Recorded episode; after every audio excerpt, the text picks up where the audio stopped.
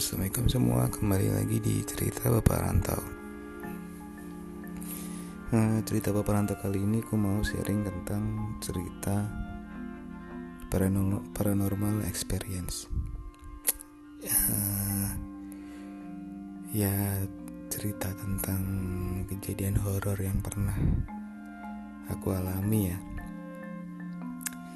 kalau mengingat itu sebenarnya banyak cerita-cerita horor yang pernah aku alami. Tapi aku mau cerita cerita uh, tentang satu cerita horor gitu pengalaman horor gitu ya. Yang sebenarnya memang aku nggak mengalami secara langsung gitu. Tapi aku melihat sendiri atau uh, merasakan dampaknya gitu secara langsung gitu. Walaupun bukan aku pelakunya gitu ya. Jadi itu sekitar tahun 2000 2013 2013 di tempat yang di tempat kerja yang masih lama ya waktu itu.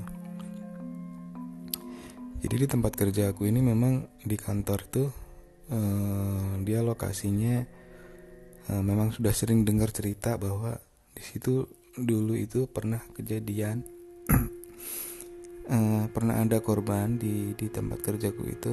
Dulu uh, bekas uh, kejadian kerusuhan tahun 98 teman-teman. Uh, di situ memang ada beberapa korban gitu di salah satu di uh, kantorku waktu itu di ruko gitu ya. Di ruko di dekat pasar gitu. Dan memang di situ ada uh, korban gitu waktu kejadian 98 Uh, pada sore itu ini kejadian sore mendekati menjelang maghrib ya. Jadi memang udah kondisinya ada gangguan uh, koneksi waktu itu di kantor. Dan kita uh, ya udah karena terganggu ada gangguan uh, koneksi kita panggil lah si vendor uh, kita udah cukup kenal dengan vendor itu gitu dengan salah satu oh, teknisinya gitu ya manggil teknisi dua orang gitu. Nah dari sore menjelang maghrib tuh uh, ada beberapa part yang harus diganti gitu salah salah satunya di lantai tiga gitu uh, untuk mengganti untuk menerin koneksinya itu. Dan sifat pekerjaannya itu uh, memang kayak apa ya yang harus menggedor-gedor tembok gitu maku-maku atas apa dinding gitu. Berisik lah pokoknya. Nah itu kondisinya itu udah menjelang maghrib. Itu. Nah, ya memang agak ini sih apa namanya kalau orang sendiri pun merasa terganggu gitu dengan apa yang mereka kerja berkerjain gitu. Yang teriak-teriak lah yang maku-maku tembok lah dinding gitu ya ngebor-ngebor gitu. Jadi memang nggak mengganggu gitu. Ya uh, karena saya yang bertanggung jawab di situ aku udah berusaha ngingetin ya uh, ke teman-teman TNI uh, eh, ini udah menjelang maghrib loh. Mending istirahat dulu lah nanti diterusin setelah maghrib itu udah aku ingetin teman-teman. Uh, karena aku juga nggak mau terjadi apa-apa ya udah menjelang maghrib itu ya di kalau pas di hari-hari biasa ketika aktivitas biasa sih nggak ada nggak pernah ada masalah gitu. Nggak pernah memang nggak pernah ngerasain apa-apa gitu. Emang ya udah normal aja. Memang kecuali kalau memang ada kondisi-kondisi tertentu di di atas gitu di kamar mandi udah ya udah biasa lah kita gitu ya merasakan apa sih merinding bau-bau gitu udah udah biasa gitu. Nah temuan kondisi waktu itu si teknis ini kejar waktu gitu. Dia nggak mau ke pending lagi udah dikerjain mau diselesaikan diselesaikan juga pada saat itu gitu. Bahkan maghrib pun masih tetap dikerjain gitu. Oke udah uh, aku sama teman-teman kantor yang lain uh, kecuali security jagain mereka uh, kita nyari makan malam tuh waktu itu maghrib gitu ya kita keluar sebentar istirahat uh, sholat sama makan gitu. Mereka di tenis ini masih tetap kerja gitu. Masih tetap kerja. Nah ketika kita udah balik dari makan kembalilah kita ke kantor gitu. Pas saya kembali tuh tiba-tiba ngelihat ya bukan tiba-tiba ngelihat itu pas mau masuk si teknisi dua orang ini udah duduk lemes di depan kantor gitu di di depan pintu gitu. Dengan wajah yang benar-benar pucat pasi gitu. Sambil minum tuh tangannya gemeter gitu mas kenapa? kan aku tanya kan. Istirahat dulu mas gitu. Tadi katanya mau lanjut gitu kan. E, iya mas. Kenapa? aku bilang gitu. Soalnya ngomongnya sambil terbata-bata e, kayaknya gitu.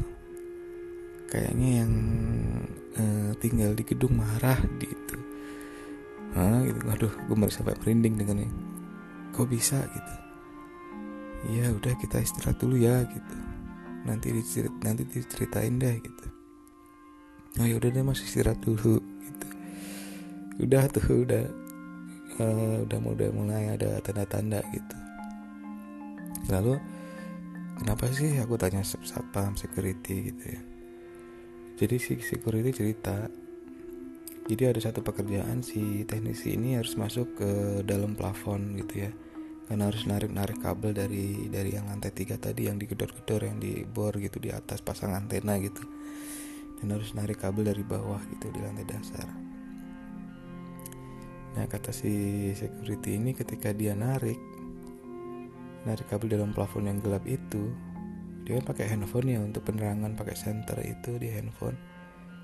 Dia melihat kepala kepala nggak tahu apa itu ya kepala itu ngelinding di dalam plafon gitu dan yang berdarah-darah kepalanya Udah aku sampai merinding dengan ceritanya nih. Langsung lah dia teriak di situ. Makanya dia turun dan minta istirahat itu saat itu juga dan dengan muka yang pucat pasi gitu. Oke itu kejadian di maghribnya gitu teman-teman. Udah akhirnya ya udah cepat di, di habis maghrib mereka cepat-cepat nyelesain gitu dan masih agak uh, masih agak trauma untuk masuk ke dalam plafonnya kan masih belum selesai narik kabelnya. Ya akhirnya salah satu teman yang lainnya yang akhirnya yang bantu gitu.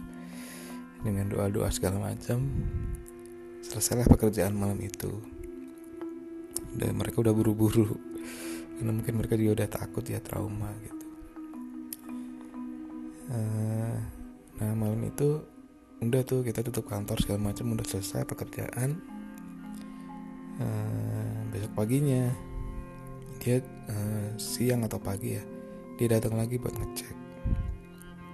Baru dia berani cerita iya mas malam waktu masuk plafon ada itu kepala gitu ketawa meringis lah istilahnya terus kepala darah darah mas. Ini yang ngeliat di situ. Dan bahkan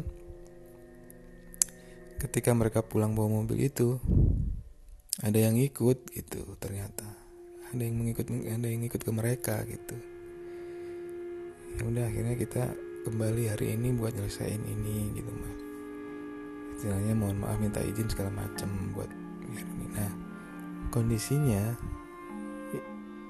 itu masih terasa sampai seminggu setelah pekerjaan itu jadi di kantor di lantai dua yang sering kita sering mencium aroma-aroma itu.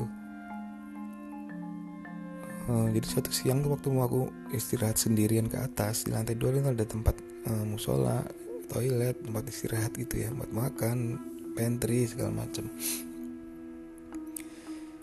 itu di lantai dua itu ada bau darah kayak bercampur nanah dan itu seharian bau nggak hilang-hilang. Amis banget. Entah itu bau apa ya. Gitu aku udah suruh minta OP buat bersihin segala macam masih aja bau gitu. Bahkan kita sampai-sampai nggak ada yang berani sampai ke lantai dua gitu. Itu efeknya sampai beberapa hari ke depan setelah kejadian yang ada kepala itu. Ini tuh benar-benar terasa gitu. Dan hawanya tuh udah beda banget gitu nah suatu ketika ada salah satu teman kerja itu cewek gitu kan. Eh, dia datang pagi tuh nggak nggak ada nggak ada masalah gitu nggak ada apa-apa gitu. Ketawa ketawa segala macam. Tahu-tahu ketika sore udah mendekati jam 3 dan maghrib tuh tiba-tiba nangis. Nangis dengan kayak suara yang ya perempuan nangis itu yang aduh serem banget suaranya pokoknya kamu kenapa gitu kan. Itu kondisi yang di lantai dua masih kecium bau amis darah segala macam itu ya. Kenapa gitu. Iya sakit kakinya sakit kenapa? Kok tadi perasaan ceria-ceria aja gitu. Nggak kenapa-napa tahu-tahu nangis gitu. Sakitan gitu. Kakinya sakit segala macam gitu. Ya udah deh diantarin pulang udah pulang gitu. Udah akhirnya kita tutup kantor pulang. Uh, besoknya kayaknya dia nggak masuk tuh terus telepon gitu. Kenapa gitu? Ya mas aku uh, kata tetangganya yang bisa ngelihat gitu ya. Jadi dia ditempelin teman-teman. Jadi ternyata di dalam kantor tuh ada satu keluarga gitu. Satu keluarga penunggunya lah gitu ceritanya di situ nah yang menempel di temen gue tuh kan yang anak kecilnya gitu. Soalnya aneh banget gitu pagi-pagi ceria segala macam nggak kenapa-napa tahu sore menangis kesakitan gitu dan nangis menangis dan ternyata setelah di dilihat ada yang nempel gitu di kakinya gitu. Dan udah akhirnya uh, ya udah akhirnya kita bikin pengajian deh buat buat apa ya menetralisir kantor gitu sekalian ada program uh, apa sih ke anak yatim gitu lah. Kita undang anak yatim kita doa doain di kantor biar tenang tenang gitu di kantor. Biar nggak ada suasana itu nggak nggak kayak gitu lagi horor lagi gitu. Dan ya syukurlah dan setelah kita lakuin uh, pengajian undang anak yatim suasana kantor kembali kayak seperti semula teman-teman. Karena pada saat kondisi itu seminggu itu pekerja kerja tuh kondisi nggak nyaman banget gitu. Udah gerah panas segala macam dan bau gitu. Bau pun bau amis gitu dan hanya beberapa orang gitu yang dengar yang ngerasain itu gitu. Bener-bener aduh gimana ya rasa yang ada hawa-hawa yang nggak enak gitu di dalam kantor. Uh, setelah kejadian itu uh, ya udah kita adain pengajian dan akhirnya alhamdulillah kembali kembali normal gitu. Bisa kembali normal udah udah mereda lah kondisi-kondisi uh, itu. Kayaknya sih memang uh, yang memicu awalnya adalah pada saat waktu maghrib itu ada pekerjaan perbaikan itu yang memicu kayaknya setelah dilihat gitu ya. Setelah kita ngobrol sama orang yang memang bisa ngeliat dia mas dia sempat marah gitu salah satu keluarga itu merasa terganggu gitu waktu itu maghrib maghrib entah ya kenapa ya kita juga nggak tahu. Ya itulah percaya nggak percaya tapi benar-benar terjadi teman-teman. Hal-hal yang kayak gitu uh, ya mau gimana lah maksudnya uh, mau nggak percaya gimana gitu yang memang itu terjadi gitu. Kita aku ngeliat sendiri bagaimana pucat pasinya si teknisi itu ketakutannya pada saat dia benar-benar uh, saya habis melihat itu gitu. Dan aku ngerasain sendiri selama seminggu mencium aroma segala macam ketakutan di dalam ruangan itu gitu. Benar-benar terasa gitu. Antara percaya nggak percaya itu ya memang itu kejadiannya seperti itu gitu. Dan memang terjadi gitu.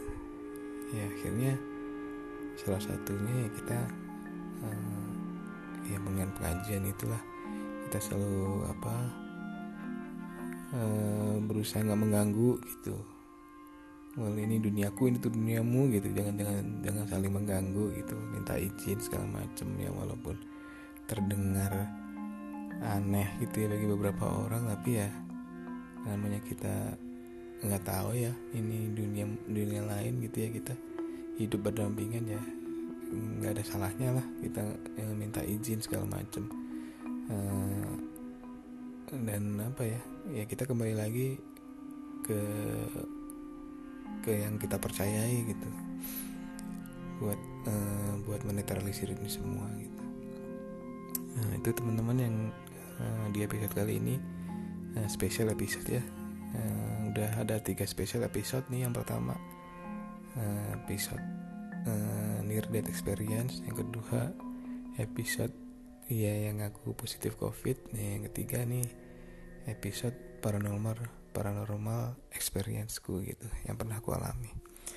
Oke terima kasih teman-teman yang udah mau dengerin. Sampai ketemu lagi di episode cerita bapak rantau selanjutnya. Salam